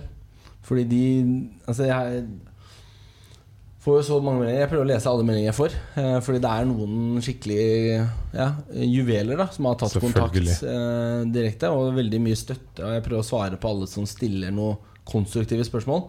Eller som stiller noen spørsmål jeg ikke har svart på før. Pleier jeg å svare. Mm. Eh, og da er det jo noen som Som på en måte viser til historier med dårlige valg, da. Altså Når de forteller at nå er de ruinert og sånn, så har de jo vært i hypecoin etter hypecoin, som de har sett en eller annen YouTuber fortelle om at nå, Yes. nå bør du gå inn i det. Og så skjønner du ikke at youtuberen har jo Alle vennene hans har jo gått inn i dette for lenge siden. Ja, Og ja, de forteller deg det fordi at de skal ta Det er jo når du hører om det, det er for seint. Ja, og det er det er, Det er Ja, det er Er det på TV, så er det for seint. Ja, og det er, det er så I hvert fall hvis du har kortsiktig tankegang. Ja, ja, ja. Eh, Det er det som Det er er, det. eh, Og det er der jeg føler Ja, aksjemarkedet er jo sånn. Mm. Men de fleste har jo skjønt visse bjellesauer, på en måte, eh, som, som fins. Og at ja, ok, det at de snakker om det, betyr kanskje at det er bra. Men det Mm. betyr også at man kanskje burde ja, se litt på det. Og det er jo det som har skada veldig mange kryptoprosjekter som starta i den perioden når vi starta òg. Fordi at det er da disse eh, Ja, de har et kallenavn, disse youtuberne. Eh, Moontubers. Jeg syns Ja. det er litt sånn hyggelig, hyggelig eh, kallenavn. Men da tok de også veldig av. Og vi hadde veldig mange av de inne i vår discord som prøvde veldig å få oppmerksomhet, og som prøvde å lage deals og sånn. da Eh, Men med en gang vi hadde i starten av lanseringen en sånn bølge, så ser vi jo at de snakker jo ikke om oss igjen. Og jeg ser Nei. jo bare at de legger opp nye videoer og andre Ja, ting med rare navn, liksom. Og det er så synd, da, fordi jeg tror ikke veldig mange er bevisst nok til å skjønne at det ikke er nødvendigvis der hvor de gjorde handlingen, som har gjort noe gærent. Mm. Og så fortsetter de å følge disse menneskene, da. Eh, og så blir det opplevelsen av at krypto ikke er trygt, da. Mm. For eksempel. Fordi at Jeg vet ikke om vi har sett den The Social Dilemma på Jo, jo, jo. Netflix. Det er jo den feedback-loopen man får, ikke sant. Og hvis man sitter i den feedback-loopen og hele tiden følger de her som bare snakker om skyhøye tall som kanskje mer tre mer mennesker opplever, Yes. så føler du mer og mer at det er folk som får det, og mer og mer følelsen av at du ikke får det. Og fordi de snakker Og om at det du hele går tiden, glipp av det. og at du går glipp av det, og fordi de snakker om det hele tiden og er og fornøyde, så tenker du det er jo ikke deres feil. Mm. Og da blir jo skyldfølelsen putta på prosjekter som ja, Det er jo veldig mange prosjekter som gjør dette her. Altså, det er jo ikke alle prosjekter som er bra, men det er noen prosjekter som er bra. Det er Eh, Og jeg har sett Absolutt. flere som har fått ja, veldig dårlig refs, da. mm. For de har prøvd å gjøre ting på en ordentlig måte. Men uh, Jeg var jo inne i, i krypto og investerte litt i 2017. mm, Tror det var 2017. Det var liksom et bra hypeår. Eller 2018. Da var det masse på TV Ja. og mye snakk om det. Og så gikk det jo rett vest. Alt gikk rett til helvete. Altså det gikk sikkert ned Ned tigangeren. Ja. og da satt jeg der og bare Å ja. 80 000 kroner er nå 6000 kroner eller noe. Ja. Et eller annet sånt var det. ja. Og så tenkte jeg Da kunne jeg vært dum og solgt, ikke sant? På den tiden der. Mm. Tenkte jeg det kan jeg Det gidder jeg i hvert fall ikke gjøre. Jeg må bare rett og slett drite i krypto i noen år. Ikke tenke så mye på det. Mm. Og tilbake nå for ett år siden, halvt år siden, så var det jo back in business, ikke ja. sant? Langsiktig tankegang. Og det er det som er med investeringer generelt. Og da gikk jeg jo for så vidt ordentlig inn i de prosjektene Ikke sant? jeg ville investere i. Så jeg var ikke sånn 'Å, den der høres kjempekul ut'. Jeg investerte i de jeg trodde på. Mm. De teamene, de folka, prosjektene, teknologien. Og de har jo klart seg Altså de Imens bitcoin i de årene der og kryptoen gikk nedover, så har jo disse teamene i bakgrunnen utvikla mer og mer på teknologien. Og det har jo vært fett å følge med på. Mye. Og det er det som er så kult, da. Fordi Dogcoin og markedsføringen av det har et skjønn... Altså, vi har litt kort attention span, tror jeg, som en samfunn. Ja, Fordi det veit de det vet vi at vi har. Det vet vi at vi har. De som har tjent mye penger på f.eks. Apple-aksjene, det er enten de som kjøpte sinnssykt mye aksjer eh, nå, og så har det gått opp en prosent, og så er den prosenten så mye at det er mye penger. Mm. Eller så er det de som kjøpte masse aksjer for lenge siden, når den ikke har vært så mye. Det er de to alternativene man har, på en måte. Mm. Eh, Men fordi at hele mediebildet har vært at Dogcoin, her blir du millionær fort, på en måte. Uten at de nødvendigvis har sagt det direkte, så er det den følelsen Jeg som har fulgt med på Dogcoin siden det aldri investert i Dogcoin selv. Eh, Jeg syns ikke det er en use case for meg. eh, Men Nei, det er hva, ikke noe hva råd er egentlig use casen deres? Jeg har ikke skjønt det. det er, ja, jeg, jeg prøver å snakke hyggelig med andre, men jeg er ikke helt eh, Det er litt så mye annet òg. Du bygger en teknologi, og så trenger du brukere for å kunne bruke teknologien til å løse ting. Mm. Så det er litt den feedback-loopen også, når man Mm. er i sånn skifte i Ja, altså at blokkjede er fortsatt nytt, selv om det er veldig gammelt. Men å ha fulgt med på det òg, da, så har jo det tatt sykt lang tid Ja. før det har skjedd noe. Altså, ja, det var perioder der hvor de som kjøpte sinnssykt mye Dogecoin, ja, den gikk opp 30 da, tjente de masse penger. Men det er jo ikke før veldig veldig nylig, eh, når Elon Musk begynte å blande seg inn og sånn. Da var det virkelig skjøt fart. da Mm. og den misoppfattelsen jeg føler jeg opplever veldig mye når jeg leser hva folk skriver på nett, er at de føler at det ga verdi til Dogcoin.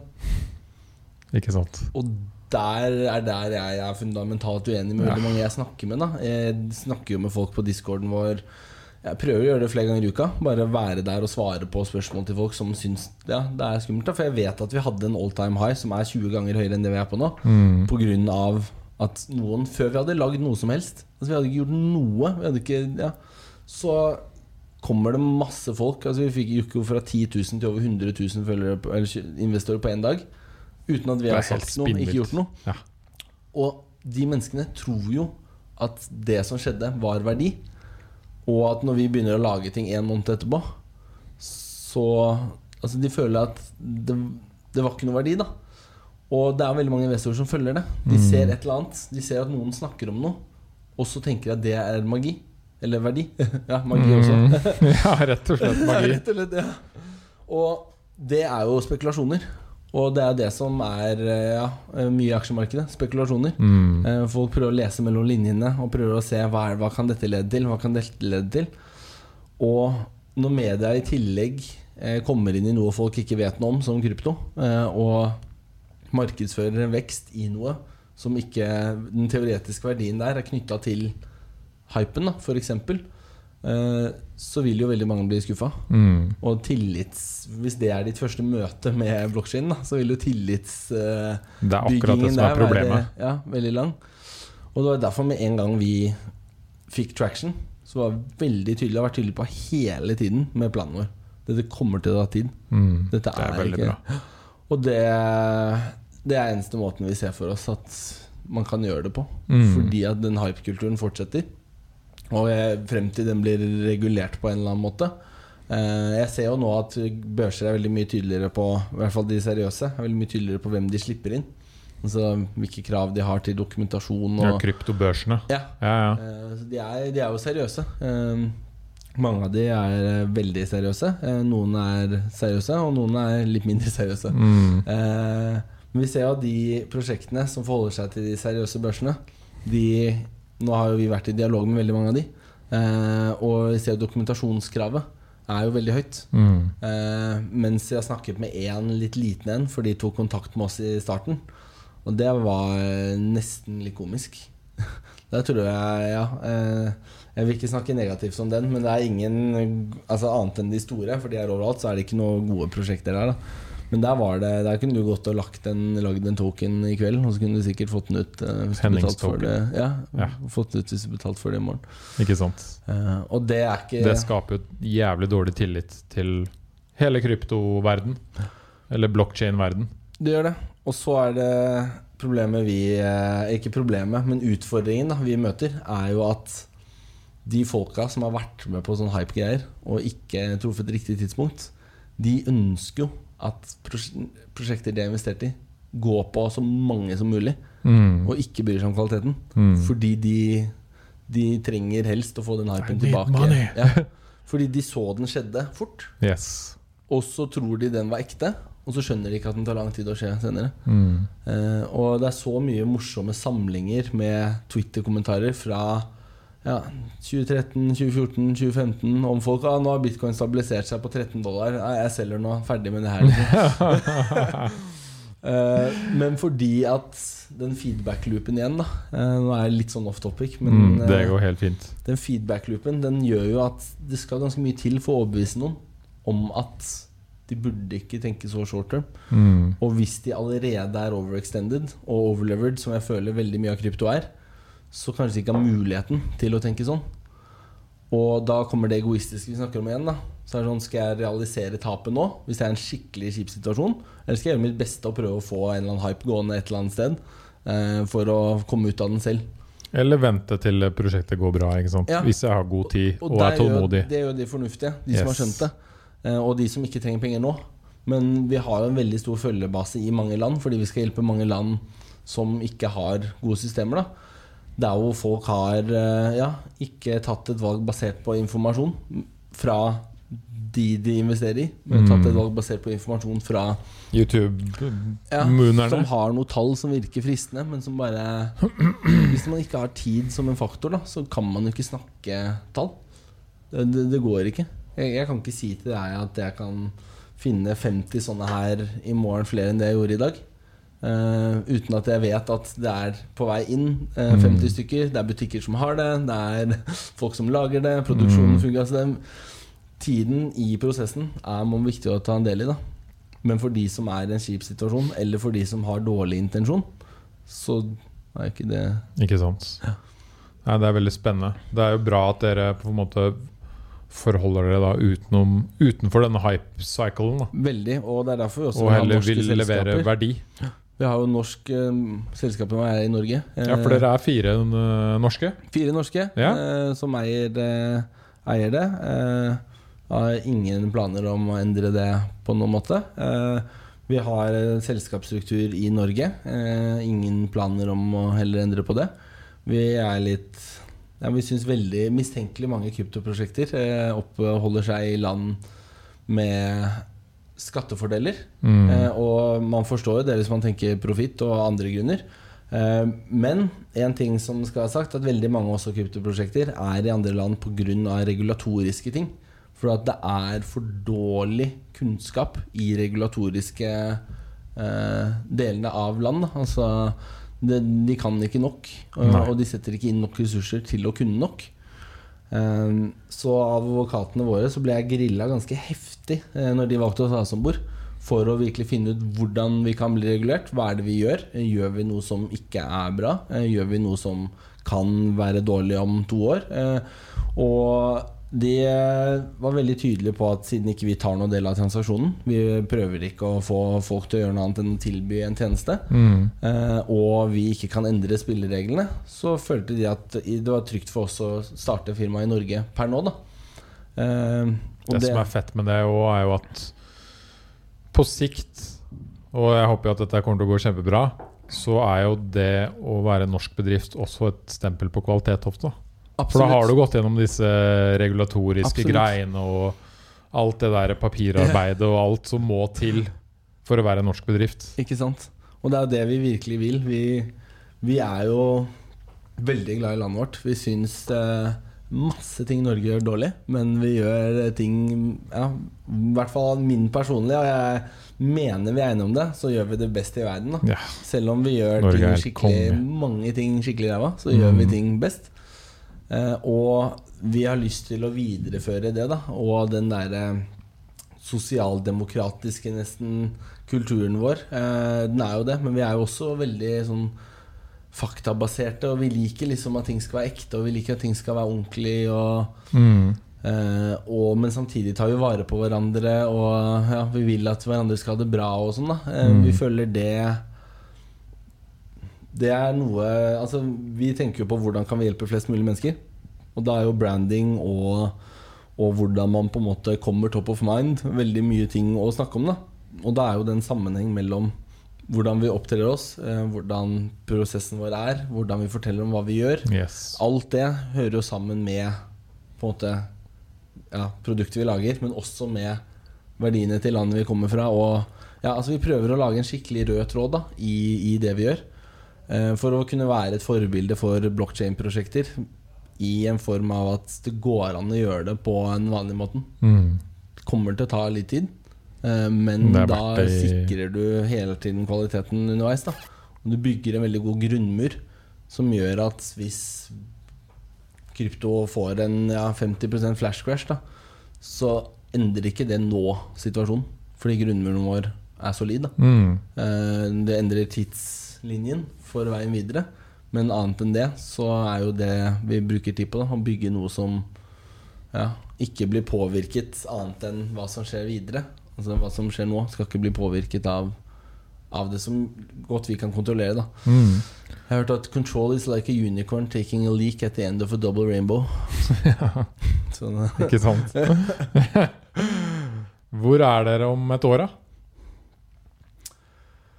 Åh, det er så morsomt eh, spørsmål, fordi jeg har så mye, mye ideer om det. Ja. Eh, men der jeg vil være For artisten og kjøperen og liksom appen, eller er det app? Er det Det jeg vil være om et år, er at eh, La oss si du er på ferie, da, og så møter du en person som snakker om eh, en artist som du liker, og som er på plattformen vår. Så kan du bare si til han at han finnes på plattformen vår, og så trenger han ikke noe mer informasjon for å kunne interaktere. mm. Og at det vil gjøre det mye lettere for artister å få kontakt og markedsført seg selv direkte. Eh, fordi at de trenger ikke noe annet mellom. Eh, det er liksom én del av det jeg vil være mot et år. Det andre er at eh, på den uverifiserte siden, delen av siden vår, da, eller de som på en måte ikke er kunstnere, men bare er vanlige mennesker, så vil jeg at bestemoren min skal klare å ta et uh, bilde av et av de fine teppene hennes og legge det ut for salg og få solgt det, uh, uten at hun ringer meg om hjelp. Mm. Uh, på teknologisiden så håper jeg i hvert fall to eller tre av de tingene vi holder på med nå, som vi vet ingen andre har gjort, i hvert fall, da, at de, de har klart å få flere til å skjønne mulighetene. Eh, og så håper jeg at blitt at vanlige bedrifter blir inspirert av at blokkjede kan løse vanlige problemer. Eh, og at de kanskje vil søke litt mer informasjon litt mer hjelp til å få dette løst. Mm. Eh, og hvis du tenker litt mer enn et år, så ønsker jeg jo Fem? Ti? Jeg trenger ikke så langt. Jeg tror vi kommer mye fortere enn det. Tre. Eh, Alt er jo sånn derre Ved vekst så kan vi ja, øke Det er eksponentiell vekst hvis det er vekst, og så står det statisk hvis det ikke er vekst. Men vi utviklerne våre De har jo bygd over ja, åtte år ish et eget content management-system. da eh, Som er helintegrert med seg selv eh, i alle, på alle plattformer. Så på mobil, web, pad, alt sammen. Og den er bygd eh, på en veldig smart måte i forhold til vår visjon og det økosystemet vi prøver å bygge. da Som gjør at når vi først har funksjonalitetene vi trenger og vil ha for den neste plattformen, så vil det ikke ta mer enn noen dager å ha Mm. den oppe og gå. Eh, så Og når vi kommer dit, der vi har gjort det et par ganger, og vet stabiliteten i det, og vet liksom hva som skal til for å garantere brukeropplevelsen på en sånn type ting, da, så ønsker vi at disse bedriftene kan komme til oss og få Hvis vi, våre tjenester kan dekke de eh, problemene som de ønsker å få løst, Mm. så har vi lyst til å kunne tilby dette til noen uten å ta noe betalt for det. Fordi at de bruker da plattformen, og ved at Hvis vi klarer å lage produkter og tjenester og funksjoner som løser ekte problemer, så vil vi kunne finne en måte å ja, ordentlig leve av det og videreformidle denne suksessen i fremtiden. Da. Eh, men vi er også fire Jeg vil kalle oss litt sånn hippier, ja, da, som Mm. ikke har noe særlig eget behov for at vi skal ha så mye. Eh, behovet vårt er å ja, skape en liten revolusjon da, i verden. Og sakte, men sikkert flytte litt eierskapet fra der hvor det kanskje er nå, i mange tilfeller, tilbake til den som skaper det som blir eid. da Utrolig bra. Jeg liker den visjonen. Go big or go home, er det ikke det Jo, jo, jo. Ja. Absolutt. Og med 400 000 Det er det som er fett i den nye verden der, at plutselig så har du 400 000 investorer. Mm. Hvorav, og dette har jeg snakka med noen uh, gründere her i Norge om. Når du er gründer i Norge eller de fleste land, så går du en slags sånn vanlig gründersti. da Mm. Hvor du liksom Ja, du, du har en idé, du starter et AS, du samler et team, og så bygger du noe. Og så får du inn noen investorer, og så bygger du litt til. Og så får du noen litt større investorer, og så bygger du enda mer. Og det er en sånn, liksom, sånn stige som man må gå. Mm. Men, og, og ofte i landet sitt. Du, det er ikke veldig mange i norske gründere som liksom etter du har lagd en liten app, reiser til USA og finner masse eh, investorer der. Ikke sant? Dessverre funker det ikke sånn. Eh, men i denne nye, spennende kryptoverden så kan du plutselig få 400 000 investorer fra hele verden. Mm. Boom! Og det har veldig mange fordeler. Ja. Men uh, hadde jeg kunnet valgt eh, tempoet de kom inn i, så hadde de nok spredd det litt lenger ut over litt lengre tid. Eh, jeg, føler meg veldig heldig. Jeg har eh, altså personligheten min Eller jeg vet ikke hvordan jeg skal forklare det, men jeg, jeg kan velge å ikke bry meg om ting som ikke jeg syns gir meg noe. Eh, og med den mengden Ja ikke hat, men det er veldig mye negativitet som veldig mange Ikke veldig mange antall, men veldig mye av de samme folka. Mm. Eh, og når de først eh, lanserte hvem jeg var, så var det jo folk som ringte meg fra hele verden. Og folk ringte jo kona mi og bare 'Er han ekte?' og ja, det var Det kan jeg tro. Heldigvis var alle de som tok det der eh, steget å gå sånn helt personlig, og faktisk prøve å finne ut hvor jeg bor, og det var folk som streama hvor jeg bor på Google Maps og sånn. Eh, men det eh, Jeg tror at veldig mange andre, hvis de hadde vært i den posisjonen, så hadde det ja, eh, kunnet påvirke skikkelig negativt. Mm. Eh, men jeg, jeg føler litt sånn Jeg er veldig egentlig lite sånn alternativ av meg. Men fordi jeg ikke trenger å velge å bry meg om noe som ikke gir meg noe bra, da. Så ja. Det, det, det er ikke Det har vært veldig intensivt nå siden, vi, siden de brakte meg om bord. For jeg var ikke helt med helt i starten. Eh, men den intensiviteten, den, det er det jeg mater mest på. Det er da jeg Mm. trives best. Når det virkelig Hvis jeg kan få masse negativitet mot meg, og faktisk ha fakta på at ikke jeg trenger å bry meg om det, for at ikke det er sant, så da får jeg masse energi. For alt det blir energi, da. Mm. For å virkelig Ja. Du klarer å snu om ja noe som egentlig er negativt, til å bli en, en energiboost. Jeg sitter jo, jeg får jo de modsa vi har på Discord. De- Når jeg snakker med de, så er det sånn der Du, vær så hyggelig når du skriver og sånn. Og jeg sitter jo og smiler jeg snakker, mm. altså, diskuterer eller snakker med noen som bare kommer med utsagn som Ja, jeg syns at hvis du har Hvis du klarer å formulere deg bra, men du sier noe som ikke er riktig, så syns jeg det er en veldig interessant samtale. Men så er det jo de der som bare Som er full hate. Ja, full Ja, hate. tro meg. Det er det på den podkasten her òg. Ja. Det er veldig interessant. Det er så interessant. Jeg deler jo litt rundt omkring. eh, ikke sant? Få kommentarer på YouTube eller eh, tilsendt eller whatever. Mm. Hvor folk sier Altså, folk sier så sykt mye rart. Jeg holder på å le meg i hjel. Ja, Altså, de, noen tror at podkasten min er liksom en episode om om sukker. At jeg burde ha sjekka all fakta om sukker i verden før jeg lager den episoden. Og kunne alt. Og vite alt. Og ha snakka med alle forskerne på det. Det er bare sånn Det er ikke mulig. Dude. og selvfølgelig mye tr altså, trolls der ute Ja. som bare er så Som sprer så sinnssykt hat. da Ja. Sånn hardcore hat. Det er, det er så fascinerende. Det er fascinerende.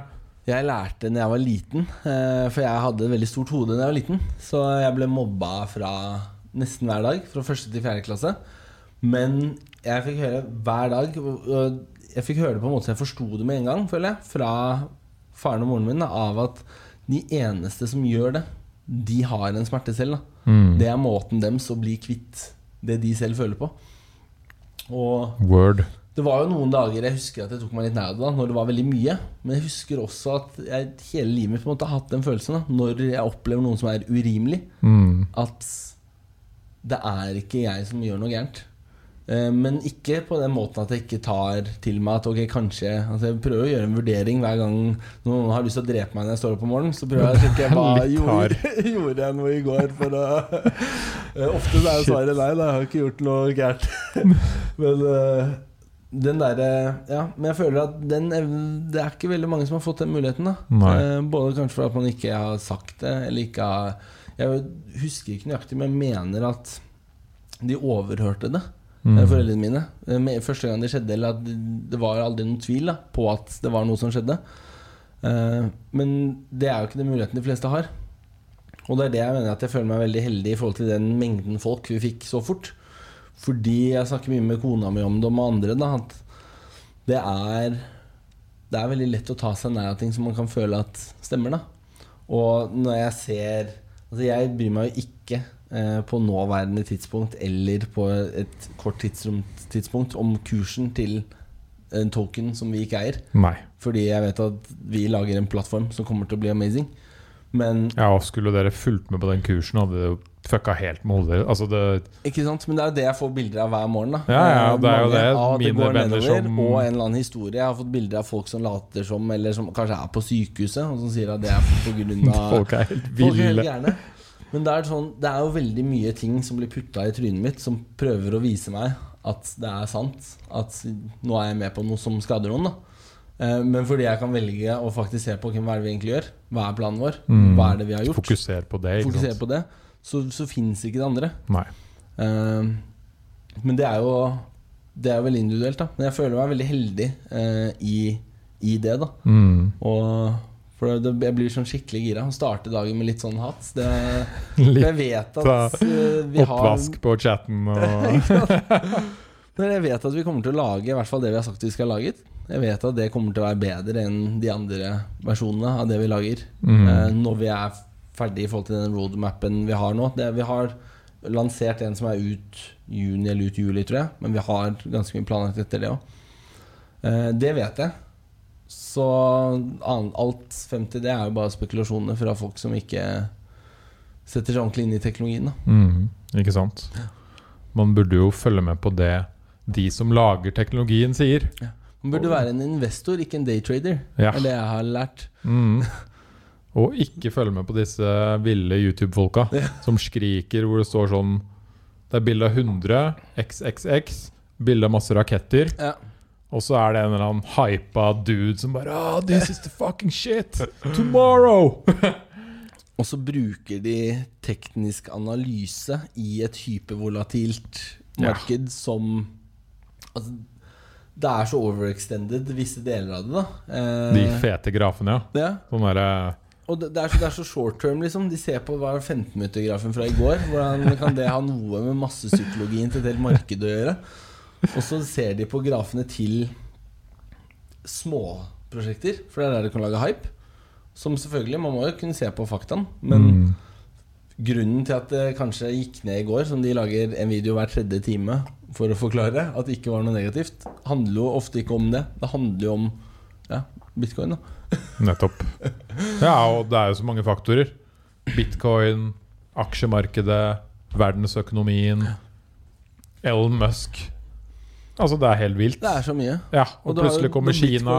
Ja, Ikke sant? Det er sånn Og India som har gått litt frem og tilbake på om de skal Ja, utsagnene. Og litt sånn kryptiske hvordan de ut i Ja. Men jeg syns om bitcoin, da, som er veldig morsomt, for det blir sånn eksponentiell greie. For når bitcoin går ned i pris, så både er de som er overextenda, må selge for at de trenger penger, men de som er overextenda i andre prosjekter, selger seg jo der for å få bitcoin, fordi at de har troen på det. Og de som bare har troen på bitcoin, men som ikke er overextenda, plutselig flytter de. Og så plutselig de som ikke har troen på bitcoin. Altså det er, det er så Ja, så kjøper nye seg inn fordi den har gått mye ned, og Ja. hører av en kompis at nå er det god tid. Og så plutselig så kommer det en, eh, en nylansering av noe som har en eller annen prosent. Så, altså det, er så, det er så mange ting da at jeg føler at man kan ikke snakke noe annet enn fundamentals i krypto per nå. Det er for tidlig. Mm. Uh, har jeg sett Wolf of Wall Street. Ja. Eh, Jeg føler og Legendefilm. Måten de snakker om penny stocks der, er sånn disse munntuberne, og veldig mange andre også, uh, snakker om dette nå. Altså, mm. Det er Mm. den epoken vi er i. Uh, Om er, 10 år, 10-20 år vet, så kommer det sånne kryptofilmer. Ja, Som Wolf of Wall Street. Og vi har jo blitt kontakta av mange folk som har lyst til å lage dokumentar, for de syns det er interessant at vi nesten kjempe mot hype. mm. Eh, For vi har ikke Ja, vi har lyst til å være et eksempel på Ja eh, stabilitet da i hypervolatilitet. Og det som er morsomt hvis man ser på På denne grafen, da som eh, jeg syns at man i hvert fall burde ha litt lengre tid på, så er det Ikke 15 min. Hæ? Ikke 15 min. Eh, og så, så er det knytta til markedet, men òg en stabil funksjon der. Fordi det vi har gjort, vi har lansert til én gruppe mennesker. Eh, eh, fått vekk hypen, fått frem verdien, og lagd et produkt for den type mennesker. Og innenfor den rammen så er det en viss form for stabilitet. Mm. Eh, men det er jo ikke noe garanti. Det er alt, ikke sant Jeg har en venn som studerte Han har master i statistikk et eller annet. Og han sa til meg at hvis du bare kan tall godt nok, så kan du få fram hvilke poeng du vil, nesten. Eh, I hvert fall hvis du har mulighet til å dra inn andre tall Mm. også. Eh, så kan du knytte alle sammen. Mens det å finne ut hvilken verdi er et prosjekt, altså med aksjer eller hva som helst Hvilken butikk lager ting på en måte som jeg har lyst til å handle i. da Eh, Hvilke ja, prosjekt er det som prøver å løse et problem jeg syns er interessant? Eller hvem er det som ja, jeg tror jeg kan tjene mest mulig penger på på kortest mulig tid? Men Mm. det er to av de tre alternativene som mest sannsynlig kommer til å lede til en god beslutning. Yes. Og det tredje er gambling. da Men folk liker å gamble. Folk elsker å gamble. Det, Det har det alltid gjort. krypto er jo da for de eh, som følger disse her, blir jo da døgnåpent kasino. Mm. Eh, som bare går utover dem. Fordi at når de realiserer tap, så er det jo noen som tjener på dette her. Eh, og forhåpentligvis så er det de gode prosjektene eh, som får noe ut av det, som gjør at vi får god teknologi i fremtiden. Da. Mm. Veldig bra sagt. Hvordan kan folk sjekke ut prosjektet deres? Og lese to- om det og liksom Det er to måter. Ja. Eh, vi har, eh, som jeg nevnte i stad, lansert enter.help. Det er det du skriver som nettstedet vårt. Enter.help. Eh, det er eh, supportdatabasen vår. Eh, så for de som er litt nye til krypto, eller som har lyst til å liksom skjønne litt mer hva plattformen handler om, før de begynner å se på kunsten, de kan gå inn der. mm. Og så har vi enter.art. Der hvor er kunstplattformen vår. Og så har vi eh, token, da, den har sin egen hjemmeside. For å fortelle litt om den. Eh, det er nft-art.finance. Eh, så det er de tre stedene man kan se informasjon om oss på internett. Mm. eh, Eller via nettleser. Og så har vi en Discord-kanal. Eh, og det er sikkert noen av lytterne dine som er på Discord. Helt så da har vi discord.gg enter. Det syns vi var litt festlig, for vi tenkte at det var Discord bare sin hyperlink. Men de hadde ikke tatt det selv, så vi fikk ja. en, en sånn Discord enter. Så kommer du inn til enter på Discord. Nice. Ja, det syns vi er veldig gøy. Men der kan du snakke med oss, da. Og vi er der eh, Vi har masse flotte mod som er tilgjengelig 24-7. Og så Mm. er vi der eh, og svarer på ting. Og der har vi også direkte support. Og på Twitter og Instagram og På Twitter og Instagram. Instagram begynner vi å jobbe litt med. Eh, Ja. Twitter så heter vi Enter NFT. Eh, men det er, det er plattformen, da. Vi Ønsker å Ja, fordi vi Vi liker jo at vi får til noe, men for oss så handler det ikke om oss. For oss er det vi lager, er for alle de som skal bruke plattformen vår. da mm. Og det er det vi har lyst til å vise fram. Eh, og hjelpe folk til å forstå hva vi viser fram. Så det er derfor de to kanalene har vært de vi har lagd først. da Ikke sant. Og så kommer vi med blogg etter hvert også, eh, i vårt eget økosystem. eh, Der hvor vi kan blogge, men òg potensielt senere at artister kan få, få en bloggtjeneste som er knytta til der hvor de har kunsten sin. Mm. Så det er mye spennende som kommer. Sinnssykt fett. Jeg gleder meg til å høre om hvordan det har gått Ja, om et års tid eller noe. Gleder meg til å fortelle. Ja, det er veldig gøy. Jeg har jo fulgt med på dere siden lansering til nå. Eh, og det har vært kjempespennende. Og i hvert fall da jeg fant ut at dere var norske. Det var sånn wow.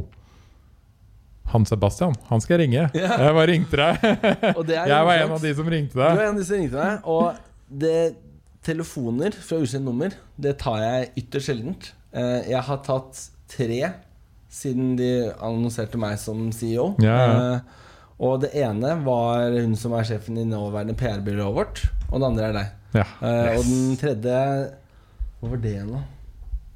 Det var et eller annet det også som var riktig. Eh, Jeg, bare, jeg følte nå da jeg tok telefonen, den her Yes. burde jeg ta, liksom. Og, og ja, nå hørte Jeg er ja, For meg så er det veldig mye å føle at noe skjer naturlig. Da. Det er ikke en sånne ting jeg vanligvis tenker på. Jeg er veldig sånn logisk av meg. Veldig, ja. Mm. Men nå har det skjedd veldig mye sånne ting i det siste. Eh, Du, tusen takk for at du kom hit i dag. Da. Eh, jeg anbefaler folk som eh, hører på det her, å, å skrive en kommentar på YouTube hvis man lurer på noe. mm. Eller, eller har noen tanker rundt denne NFT-verden, NFT-art og selvfølgelig Enter-plattformen. Det hadde vært kjempekult å se hva lytterne tenker.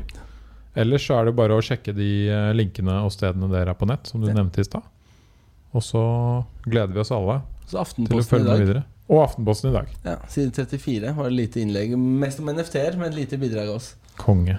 Veldig bra. Tusen takk Bra for at du jobba. kom med. Ja, Tusen takk for besøket.